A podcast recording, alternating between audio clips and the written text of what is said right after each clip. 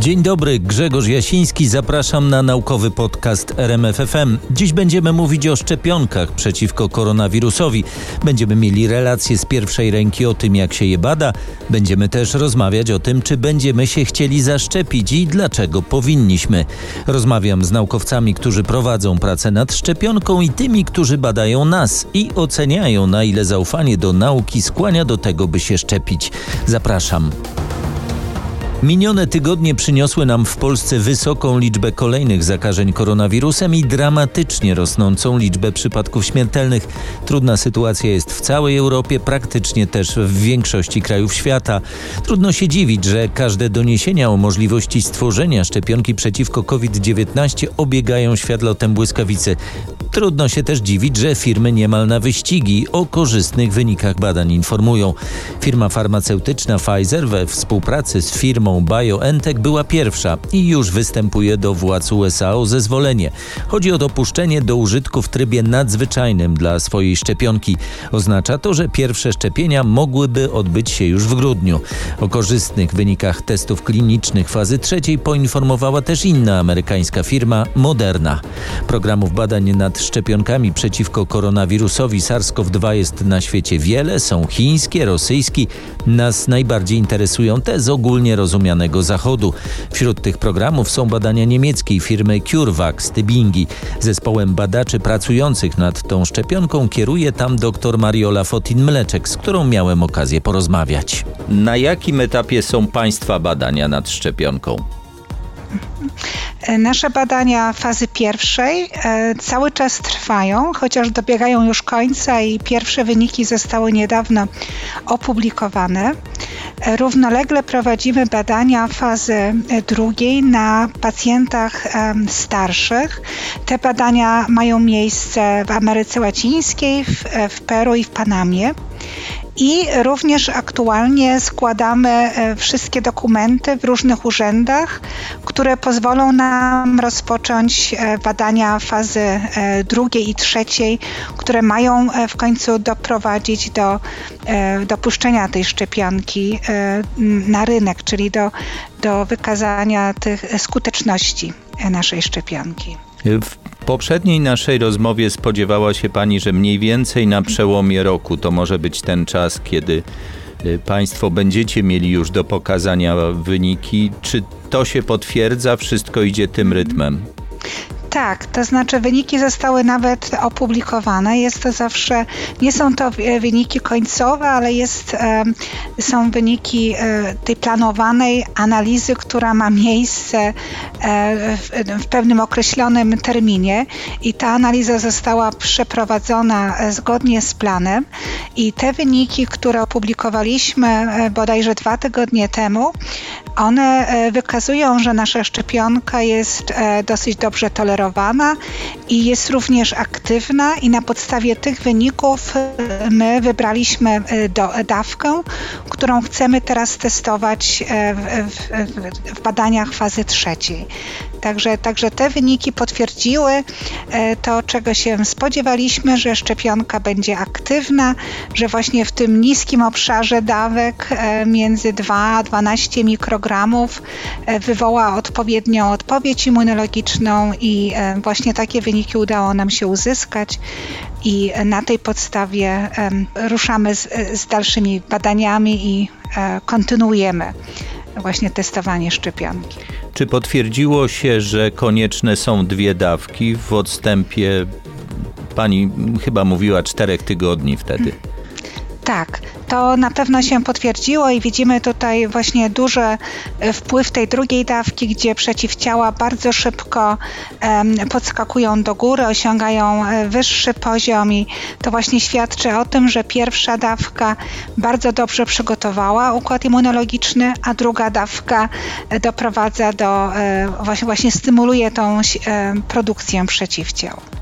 Proszę mi powiedzieć, jak będą teraz wyglądały te badania, jak szeroko będą zakrojone, na jak dużej grupie osób. Tak, to znaczy badania będą e, prowadzone na kilkudziesięciu tysiącach osób.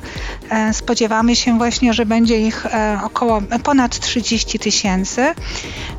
Badania będą kontrolowane, to znaczy będzie grupa placebo, czyli osób, które nie będą szczepione, ochotników, i grupa, która otrzyma szczepionkę w danej dawce. I w tych, podczas tych, tych badań będziemy bardzo dokładnie monitorować wszystkie przypadki wystąpienia e, chorób objawowych. Tak? E, I e, badania polegają na tym, że musimy osiągnąć pewną ilość przypadków zachorowań, i wtedy możemy zajrzeć do tych wyników, czy tak niezależne gremium ekspertów, które kontroluje właśnie tego typu badania, zagląda i sprawdza, czy te przypadki infekcji miały miejsce w której grupie, czy w placebo, czy też u, szczepionych. I właśnie to jest ten, ten moment, E, w którym, e, kiedy uda nam się e, zarejestrować właśnie odpowiednią ilość tych przypadków, on będzie decydował o tym, kiedy te badania się skończą. Czyli nie można tak powiedzieć, że jest taka liczba i tego i tego dnia się skończy, tylko właśnie zależy to od tych przypadków infekcji, które będziemy zbierać, żeby wykazać skuteczność. Z danych, które na razie przekazały firmy Pfizer i Moderna, mm, wynika, że one zarejestrowały niespełna 100 takich y, mhm. zachorowań. Dla laików to się wydaje bardzo mało. Mhm. Y, ale okazuje się, że już tyle wystarczy, żeby coś powiedzieć o skuteczności szczepionki. E, tak, bo to zależy od tego właśnie w jaki sposób te przypadki się rozkładają. Jeżeli mamy taką wyraźną przewagę na korzyść tych, tych szczepionek, że właśnie tamte przypadki nie występują, jeżeli ta różnica jest bardzo wyraźna, to faktycznie nie trzeba aż tak wielu e, przypadków, żeby wykazać e, statystyczną różnicę. To jest właśnie ta, e, jak, jak funkcjonują tego typu badania i że czasami faktycznie e, nie trzeba wielu, wielu takich infekcji, żeby e, uzyskać już dobry wynik. Te doniesienia o szczepionkach Pfizera i Moderny dotyczą tak, tak naprawdę takiej samej metody, jaką Państwo stosujecie czyli wykorzystania y, mRNA, y, instrukcji do produkcji białek, y, które mają wywołać reakcję immunologiczną. Czy to, że te firmy już prezentują swoje wyniki, to jest dla Państwa dobra wiadomość, w tym sensie, że podążacie skuteczną ścieżką, czy może jednak pewien stres, że, że oni są jakby trochę z przodu? E, znaczy, to jest na pewno bardzo dobra wiadomość, e, ponieważ mRNA jest nową technologią. Nie ma do tej pory żadnych szczepionek opartych na tej bazie, e, więc w związku z tym wyniki firm, które stosują bardzo podobną metodę i które pokazują, że faktycznie są w stanie osiągnąć skuteczność, wypracować tą ochronę immunologiczną, to są wyniki bardzo motywujące dla nas, dla nas i potwierdzające całą technologię. Dlatego nas to bardzo cieszy. Byłoby o wiele trudniej, gdyby właśnie te badania wykazały, że, że nie są efektywne i tak dalej. To na pewno byłoby większym stresem w tym momencie dla nas. My różnimy się trochę, w jaki sposób ta mRNA jest e, e, poprawiana troszeczkę. My stosujemy e, tylko naturalne składniki. Moderna i BioNTech, Pfizer, jeden z nukleotydów jest modyfikowany chemicznie, w związku z tym są pewne różnice, ale zasady działania są bardzo podobne.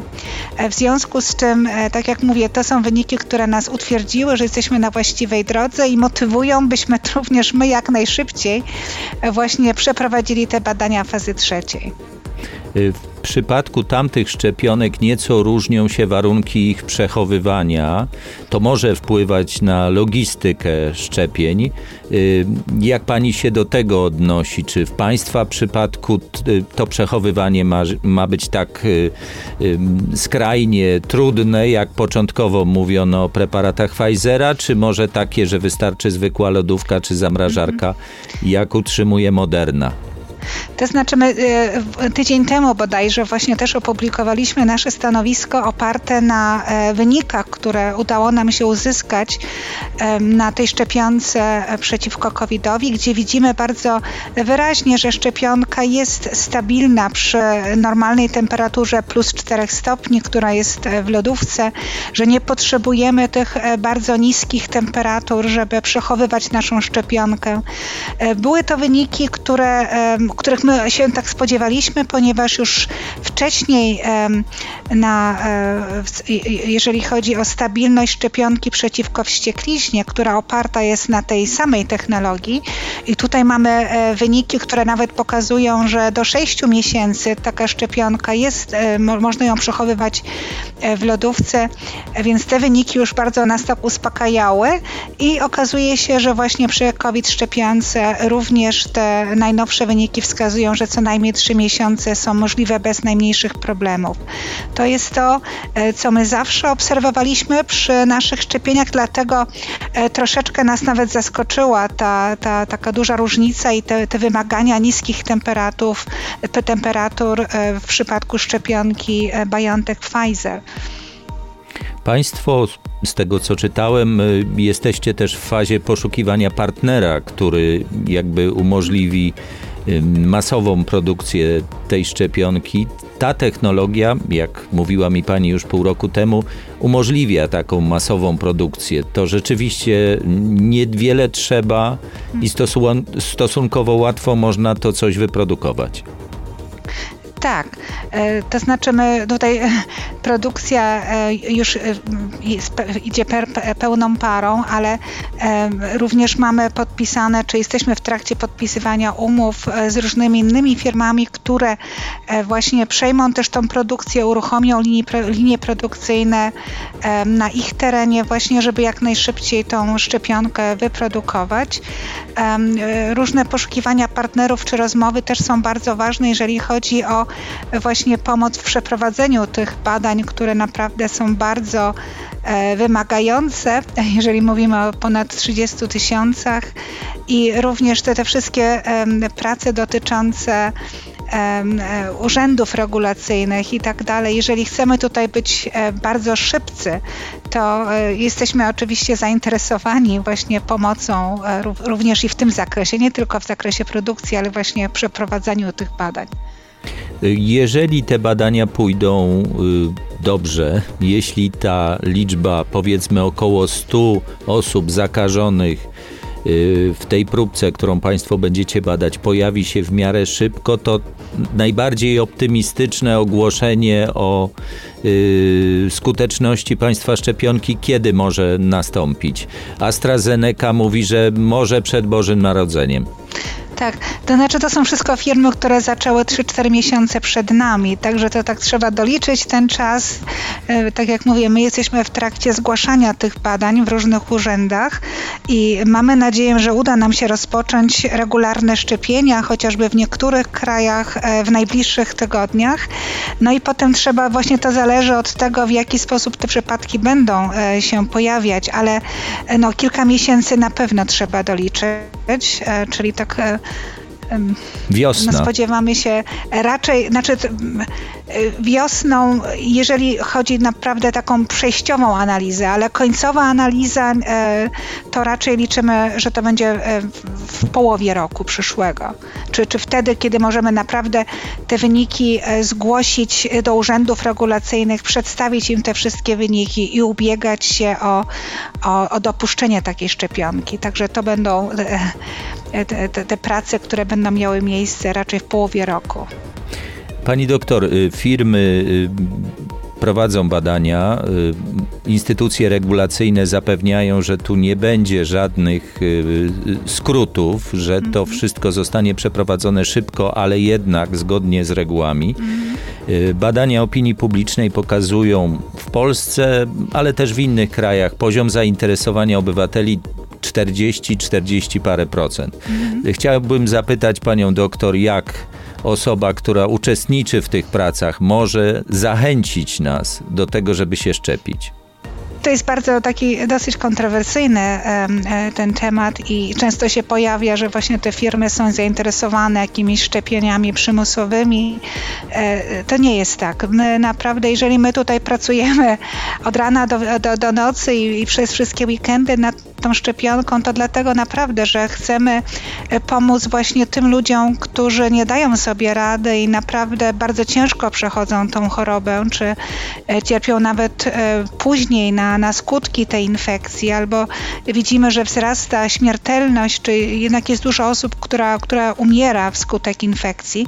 I to jest ten nasz cel, żeby tutaj dopomóc i doprowadzić, e, wprowadzić szczepienia, które zmienią tę sytuację. I mi się wydaje, że po prostu ludzie muszą sami dostrzec to, że sytuacja się poprawia, że właśnie te grupy, które powinny się zaszczepić, ponieważ są grupami ryzyka, że właśnie będą dostrzegały to, że faktycznie to może zmienić, że to gwarantuje im ochronę. I tylko wtedy, kiedy będą właśnie widziały to, to mi się wydaje, że ta akceptacja e, wtedy wzrośnie. E, także e, te właśnie te wszystkie wyniki, czy te pozytywne doświadczenia, one powinny motywować. No i tak samo, e, tak jak mówię, widzimy, że z tego tytułu, że e, jednak e, mamy i tą drugą falę e, infekcji i że nie za bardzo wiemy właśnie w jaki sposób dać sobie z tym radę, a jednocześnie każdy tęskni do normalnego życia, w którym możemy się spotykać, odwiedzać, e, nie patrzymy na siebie jako na potencjalne źródło zagrożenia. E, więc również jeżeli dostrzeżemy, że szczepienia mogą być tym krokiem, tym środkiem, który pozwoli nam wrócić do normalności i jednocześnie nie przynoszą, przynoszą ze sobą ryzyka, e, to mi się wydaje, że to są te faktory, które powinny właśnie e, zachęcić czy przekonać e, ludzi, że jest, jest duża korzyść, a małe ryzyko. O tym, czy te czynniki nas przekonają, czy nie, będziemy za chwilę rozmawiać. A o badaniach szczepionki firmy CureVac mówiła mi dr Mariola Fotin-Mleczek. Od 2018 roku rósł sceptycyzm Polaków wobec nauki, ale pandemia odwróciła te tendencje. Takie wnioski przyniosły najnowsze wyniki cyklicznego międzynarodowego badania postaw społecznych wobec nauki State of Science Index. Badania pokazały, że w pandemii wzrosło zaufanie Polaków do nauki. Blisko 3 czwarte z nas oczekuje stworzenia szczepionki przeciw koronawirusowi. Wcześniejsze badania naukowców z Uniwersytetu Jagiellońskiego pokazały, że już podczas pierwszej fali pandemii pandemii w maju byliśmy coraz bardziej pozytywnie nastawieni wobec szczepień. To może się przełożyć na chęć poddania się szczepieniu, gdy odpowiedni preparat będzie wreszcie dostępny, mówi mi dr Katarzyna Stasiuk z Instytutu Psychologii Stosowanej UJ. Myśmy takie badania przeprowadzili w, najpierw przed pandemią, ale też przeprowadziliśmy takie badania w pandemii e, na początku, w maju 2020 roku e, i zapytaliśmy, zapytaliśmy naszych e, badanych, czy zaszczepiliby się na koronawirusa, gdyby wynaleziono taką szczepionkę. E, I w tym badaniu uwzględniliśmy osoby, które generalnie są przeciwne e, szczepieniom, osoby o postawach niezdecydowanych wobec szczepień oraz zwolenników szczepień. I Okazało się, że e, wtedy e, wśród osób, które są przeciwne szczepieniom, zaszczepiłoby się nową szczepionką tylko 4% osób, natomiast e, zwolenników szczepień zaszczepiłoby się 55%. Wśród zwolenników szczepień zaszczepiłoby się 55% osób. Czyli też nie wszyscy. Nie wszyscy i to jest ciekawy wynik, aczkolwiek mówię o nim dlatego, że ja nie mam aktualnych wyników badań na ten temat. Mam nadzieję, że będę je miała za kilka tygodni, bo, bo chcemy mm, zrobić jeszcze raz to badanie i powtórzyć też takie pytanie. Natomiast wynik jest ciekawy i myślę, że on może się zmienić teraz i już, e, już mówię dlaczego. Dlatego, że My w tym badaniu w maju zadaliśmy naszym badanym jeszcze jedno pytanie. Znaczy, zadaliśmy ich wiele, ale jeszcze jedno, które może być istotne dla wytłumaczenia tego, co, co się może wydarzyć teraz i, e, i dlaczego tak odpowiadali wtedy. Otóż zapytaliśmy ich, e, jakie jest zagrożenie, że ty albo ktoś z Twoich bliskich zarazi się koronawirusem. E, I mm, badani mieli do wyboru cztery odpowiedzi, bardzo wysokie, raczej wysokie, niskie i raczej niskie, i okazało się, że ponad 50% osób odpowiedziało nam w maju, że to zagrożenie, że albo ja, albo ktoś z moich bliskich zarazi się koronawirusem, e, jest niskie. Niskie albo raczej niskie.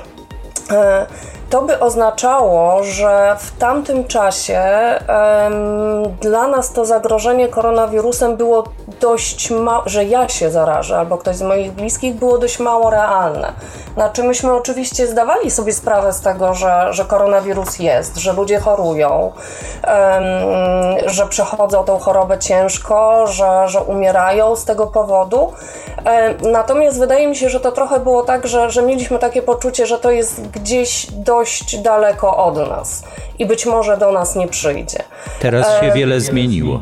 Teraz się wiele zmieniło, dlatego że no, wtedy jeszcze w, tym, w tej pierwszej fali pandemii, ja mam wrażenie, chociaż też wyników akurat o, o to nie pytaliśmy, ale, ale ja mam wrażenie, że to było tak, że wiele osób, w tym ja, e, myślało, że to będzie tak, że ta pandemia będzie trwała krótko, że wakacje się skończą, dzieci wrócą do szkoły, my wrócimy do pracy, świat wróci do normalności, po czym e, wakacje się skończyły i tak naprawdę e, no, te nasze przewidywania i oczekiwania się nie sprawdziły, zrobiło się jeszcze gorzej. Pandemia ma się całkiem dobrze, a nawet coraz lepiej.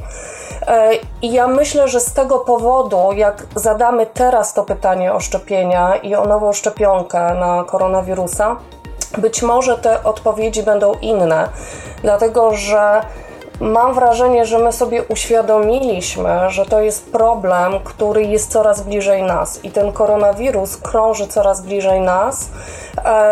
Zarażają się nasi znajomi, zarażają się osoby w naszej rodzinie, niekiedy przechodzą tą chorobę ciężko, zdarza się, że umierają, więc to zagrożenie stało się, myślę, w tej chwili dużo bardziej realne niż, e, e, niż w czasie tej pierwszej fali. Poza tym no, my widzimy, ile jest tych zakażeń, tak? E, ile jest nowych przypadków, a poza tym Myślę, że już w tej chwili wiemy, że tak naprawdę my nie jesteśmy w stanie przewidzieć, kiedy to się skończy. Nie możemy zrobić żadnych planów e, właściwie pewnych na przyszłość, bo, bo po prostu nie wiemy, jak, jak długo to będzie trwało. Myśleliśmy, że skończy się szybko i zostaliśmy zaskoczeni, my jako obywatele, nasz rząd również, e, bo, się, bo się nie skończyło. Także wydaje mi się, że Teraz mielibyśmy wyższy wynik i ten wyższy odsetek osób, które by deklarowały, że, że zaszczepiłyby się e, przeciwko koronawirusowi. Aczkolwiek jest jedno ale, nad którym się zastanawiam i, i też mam nadzieję, że za kilka tygodni będę, będę mogła pokazać wyniki badań i, i zobaczymy, czy miałam rację w tych moich przewidywaniach, czy nie bo zastanawiam się nad tym, czy to też trochę nie jest tak, że osoby, które już przechorowały koronawirusa, mm, nie będą zbyt chętne albo będą mniej chętne do tego, żeby się zaszczepić.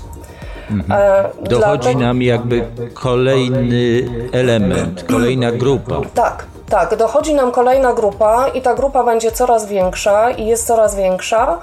I jeżeli to będą osoby, które jeszcze, no nie dość, że już chorowały, to na przykład przeszły e, tą chorobę mm, dość łagodnie, to wydaje mi się, że to mogą być osoby, które będą myślały trochę na zasadzie, a właściwie to po co ja mam się szczepić, jak, e, jak ja już, e, to mam już to jest za mną. Tak, mam to za sobą i nic takiego się, się nie działo, ale przede wszystkim mam to za sobą, a um, dochodzą do nas takie informacje z różnych źródeł. Ja się gdzieś z takimi informacjami stykam, że, że jednak no, to przechorowanie koronawirusa powoduje, że, że my mamy większą odporność. Tak? No, pytanie, czy ona jest stuprocentowa, no, wygląda na to, że nie jest stuprocentowa, więc myślę, że to też jest taka chyba i rola mediów, i odpowiednich przekazów, żeby powiedzieć ludziom, czy, czy uświadomić ludziom, że to, że ty chorowałeś, czy chorowałaś, nie oznacza, że już nie zachorujesz, tak? że możesz zachorować, jeżeli to jest oczywiście zgodne z tym, co uważają lekarze. Ja nie jestem w danej czy, chwili, czy bo tu, jak wiadomo, tak. wszystko jest trochę płynne. Tak, pani, tak. pani jeszcze, chciałbym, żebyśmy wrócili na chwilę do Pani wyników. Mhm. Tam bardzo ciekawa była reakcja osób, które były początkowo niezdecydowane, bo to jest liczna grupa, która się nie opowiada ani całkiem przeciw, Tak. ani całkiem za. I wygląda na to, że ona jakby poddała się tej presji pandemii najbardziej. Tak, ale to jest dość, e, dość e, charakterystyczne dla w ogóle dla osób, które dla, dla, w ogóle dla postaw niezdecydowanych, że one są, no, one się, ponieważ one są niezdecydowane, więc w zależności od tego, na jaki trafią, powiedziałabym, grunt i co w danym momencie uznają za właściwe, to te postawy się jak gdyby przechylają w taką stronę. E, więc osoby, które nie były zdecydowane, co myśleć o szczepieniach e, wcześniej, albo myślały, że one są no, trochę dobre, trochę złe, tak, z różnych powodów, e, no, są teraz w takiej sytuacji, mamy taką sytuację, że uznały, że no jednak trzeba by się było zaszczepić. Natomiast, no, więc jeżeli sytuacja im sprzyja, to one się przechylają, te postawy niezdecydowanych, w tą stronę, jak chorągiewka, tak? W tą stronę, w którą, która w danym momencie wydaje im się ok, tym, tym osobom, które, które są niezdecydowane. A w naszych badaniach, które prowadziliśmy dotyczących właśnie postaw wobec szczepień, już wcześniej, przed pandemią, myślę, że to jest ważne, żeby, żeby mieć też taką świadomość tego, ile jest tych osób niezdecydowanych, bo nam chyba w 2018 roku okazało się, że osób o takich zadeklarowanych postawach silnych, silnie antyszczepionkowych jest stosunkowo mało. Tam było chyba 12 czy 13 do 15% osób. Natomiast mieliśmy bardzo dużo osób niezdecydowanych. To było około 30% osób. Więc tych osób niezdecydowanych jest zdecydowanie więcej niż osób, które mają zdecydowanie negatywne poglądy wobec szczepień. I to jest, myślę, grupa, która jest taka ważna, bo, bo nie wiadomo, w którą stronę ta grupa pójdzie nigdy. Mhm. My mamy legendarnie słaby poziom wyszczepiania się przeciwko grypie. Y, także nawet wśród tych, którzy szczepią dzieci, nie mają wątpliwości co do koniecznych szczepień przy wyjazdach gdzieś do egzotycznych krajów. Akurat y, szczepienie się przeciwko grypie nie jest popularne. Czy pani w swoich wynikach jest w stanie wskazać jakiś powód? Nie bardzo, dlatego że myśmy nigdy o to nie pytali. Być może jest to pomysł jakiś, żeby, żeby zapytać, aczkolwiek przychodzi mi jedna rzecz do głowy, ale jest ona absolutnie niepoparta wynikami. Być może to jest tak, że my się nie boimy grypy po prostu. Mhm. I, I uważamy, że grypa nie jest specjalnie poważną chorobą. E, I skoro nie jest specjalnie poważną chorobą, to nie ma potrzeby, żebyśmy się szczepili. Tym Więc... bardziej, że trzeba się szczepić co roku. Tak, tym bardziej, się, że trzeba się szczepić co roku. Samo szczepienie jest dla nas pewnym kłopotem, tak? To znaczy ono my musimy wyjść z domu, pojechać, nie wiem, do lekarza, pojechać gdzieś, gdzie można takie szczepienie zrobić, ewentualnie za to szczepienie zapłacić, jeżeli jest taka konieczność. Więc jeżeli ja nie widzę zagrożenia, jeżeli ja w ogóle choruję mało, no to nie widzę potrzeby, żeby się szczepić przeciwko grypie. To nie jest coś, co jest dla mnie zagrażające. Czyli przez analogię do tych naszych wyników, nie wiem, majowych, ale też przez taką no, analogię właściwie do takiego no, zdroworozsądkowego myślenia czy wiedzy psychologicznej o tym, jak ludzie myślą, no to mam wrażenie, że, że to chyba wynika z tego, że pewnie trzeba by było zapytać Polaków, czy, czy, się w ogóle boi, czy my się w ogóle boimy grypy. I mam wrażenie, że nie bardzo. W przypadku koronawirusa może być już inaczej. Pojawiły się właśnie w tych dniach też badania dotyczące ogólnie takiego zaufania Polaków, nie tylko zresztą Polaków, do nauki, do, do tego, co naukowcy mówią. I tutaj też jest pewien efekt. W czasie pandemii to zaufanie jakby rosło. To pani nie zaskakuje.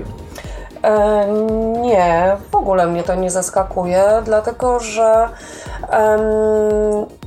nauka może nam służyć jako, czy my widzimy w nauce jakąś nadzieję na to, że ta sytuacja, która jest dla nas bardzo trudna i bardzo niepewna, bo my sobie kompletnie nie wiemy, my kompletnie nie wiemy, jak, jak sobie w tej sytuacji radzić i co będzie dalej, więc tu ta, ta niepewność jest bardzo duża.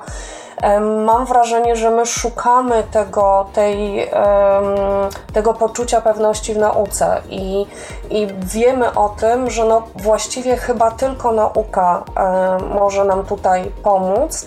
Dlatego te postawy się zrobiły bardziej pozytywne. Przy czym znowu nasze wyniki badań sprzed pandemii, z czasów pandemii, tutaj tylko akurat dotyczące osób, które miały postawy antyszczepionkowej, też takich osób, które były właśnie niezdecydowane wobec szczepień. Nasze wyniki badań pokazały, że na przykład postawy antyszczepionkowców, jeżeli chodzi o zaufanie wobec nauki, się nie ruszają. Oni to zaufanie mają średnie, wcale nie mają takiego niskiego, jak mogłoby się wydawać, ale pandemia kompletnie nie rusza ich postaw. Natomiast rusza postawę osób niezdecydowanych, czyli jeżeli ktoś był niezdecydowany, co o nauce myśleć wcześniej, tak mi się wydaje, że to możemy przełożyć i, e, na, i, i w ten sposób o tym pomyśleć, um, no to jego postawy w tym momencie przesunęły się w stronę bardziej pozytywną. Pytanie, czy ten wynik zostanie taki, jeżeli się skończy pandemia, a mam szczerą nadzieję, że tak będzie, tego nie wiem, bo jeżeli jest tak, jak myślę, że to jest kwestia właśnie osób, które z niezdecydowanych mm, się przesunęły w tą stronę bardziej pozytywną, to być może ich postawy z powrotem wrócą, z powrotem zrobią się mniej przekonani do nauki, jeżeli ta nauka przestanie im być potrzebna. Ale to, że, że w sytuacji zagrożenia rośnie zaufanie do nauki, to wiadomo już z wcześniejszych badań, które były robione jeszcze dawno, dawno przed, e, przed pandemią. I autorzy tych badań to tłumaczą między innymi Między innymi tym, że e, to, to trochę jest tak, że uwierzyć, do którego mogłoby się zwrócić, tym źródłem jest nauka. Tak, tak to tłumaczą autorzy tych badań. Także to nie są wyniki, które mnie zaskakują w ogóle, natomiast zastanawiam się, czy się to utrzyma. Też się zastanawiam. Naukowcy będą to z pewnością badać, a o swojej wiedzy na ten temat mówiła nam dr Katarzyna Stasiuk z Instytutu Psychologii Stosowanej Uniwersytetu Jagiellońskiego. O naszym zaufaniu i braku zaufania do nauki, o przyczynach takiego stanu rzeczy rozmawiałem też z profesorem Dariuszem Jemielniakiem, szefem Katedry Zarządzania z Akademii Leona Koźmińskiego. Panie profesorze, najnowsze wyniki badań pokazują, że w pandemii Polacy nieco przekonują się do nauki. To znaczy liczba sceptyków, nieco zmalała. Liczba osób, które uważają, że nauka jest w życiu ważna i przydatna, nieco wzrosła. To chyba dość naturalny efekt. Tak, no tylko powiedziałem, że jak na karła to wysoki. Oczywiście fajnie, że troszkę więcej rodaków się przekonuje tego, że nauka jakoś tam działa, ale nadal jak spojrzymy na ten szerszy obraz, czyli tego, że jedna trzecia społeczeństwa w zasadzie jest troszeczkę z nauką na bakier, to nie ma specjalnie powodów do nadmiernego optymizmu. No, większość z nas używa telewizji, mikrofalówki, e, samochodu, e, używa medycyny, dorobku edukacyjnego, dorobku naukowego, a nie jest w stanie połączyć tych dwóch kropek i zauważyć, że to właśnie dzięki postępowi rozwojowi nauki mamy tak ogromny, niespotykany no, w, w historii postęp cywilizacyjny, skok technologiczny, wzrost komfortu życia, długości życia, e, wzrost e, naprawdę wszystkich możliwych e, potencjalnych wskaźników do zadowolenia. Tylko, że niestety ludzie w coraz mniejszym stopniu zwracają uwagę na to, skąd się to wszystko bierze. Pan bada te efekty i, i w takim razie zapytam pana, z czego u nas się to bierze? W czym leżą te zalążki, wątpliwości? Może naukowcy popełniają jakieś błędy w komunikowaniu swoich odkryć? O, to na pewno. Akurat y, komunikowanie dorobku nauki to nie jest coś, co naukowcy są w stanie robić skutecznie. To zresztą widzimy naprawdę bardzo dobrze na rynku wszelkiej maści hochsztaplerów, którzy chociażby różnego rodzaju zdesperowanym osobom chorującym na ciężkie, nieuleczalne choroby oferują za ciężkie pieniądze e, po prostu maść na szczury, coś co kompletnie nie ma prawa działać. I wiemy doskonale z badań, że nie działa, ale także na rynku ludzi mniej zdesperowanych, bo o ile osoba, która choruje na nieuleczalny nowotwór, jestem w stanie zrozumieć, że łapie się każdej okazji, to jest w pełni zrozumiałe, ale już na przykład na rynku e, różnego rodzaju środków, które mają wspomagać, nie wiem, rozwój sportowy, mają wspomagać odchudzanie. Tego rodzaju desperacji raczej nie ma i, i tak silnej motywacji, a także na tym rynku zupełnie wcale nie króluje nauka. Nawet na rynku diet y, bardzo rzadko może, mamy do czynienia z modami na diety, które byłyby zgodne z dorobkiem naukowym. Także ma pan w 100% rację. Ogromnym problemem nauki jest to, że nauka jest bardzo wsobna, naukowcy są w stanie pisać doskonale dla innych naukowców w sposób zrozumiały tylko dla nich, w takiej wieży z kości skłoniowej. Ale myślę, że to jest problem troszeczkę szerszy, bo naukowcy, owszem, y, naukowcy, naukowczynie od lat y, można winić y, te, te grono i sam, sam do niego należę, więc mnie też można winić za to, że nie jesteśmy w stanie komunikować się dobrze, ale w ostatnich latach to się bardzo pogłębiło i zauważamy no, taką fragmentację narracji, a także proces, który bardzo znany socjolog, filozof francuski nazywał, Bruno, Bruno Latour, nazywa takim specyficznym odwróceniem krytycznego myślenia, użyciem go jako e, broni o odwróconym ostrzu, dlatego że dawniej się mówiło, że krytyczne myślenie może ludzi uodparniać, może powodować, że będą lepiej czytać teksty naukowe. Okazuje się, że troszkę guzik prawda, że narracja Użyj mózgu, włącz myślenie. To jest narracja, która jest bardzo typowa także właśnie dla środowisk antynaukowych. I Bruno Latour właśnie na to zwraca uwagę, że te środowiska antynaukowe, które podsycają nieufność do instytucji dorobku wiedzy całego cywilizacyjnego, to są także grona, które używają narracji o tym, że powinniśmy być sceptyczni.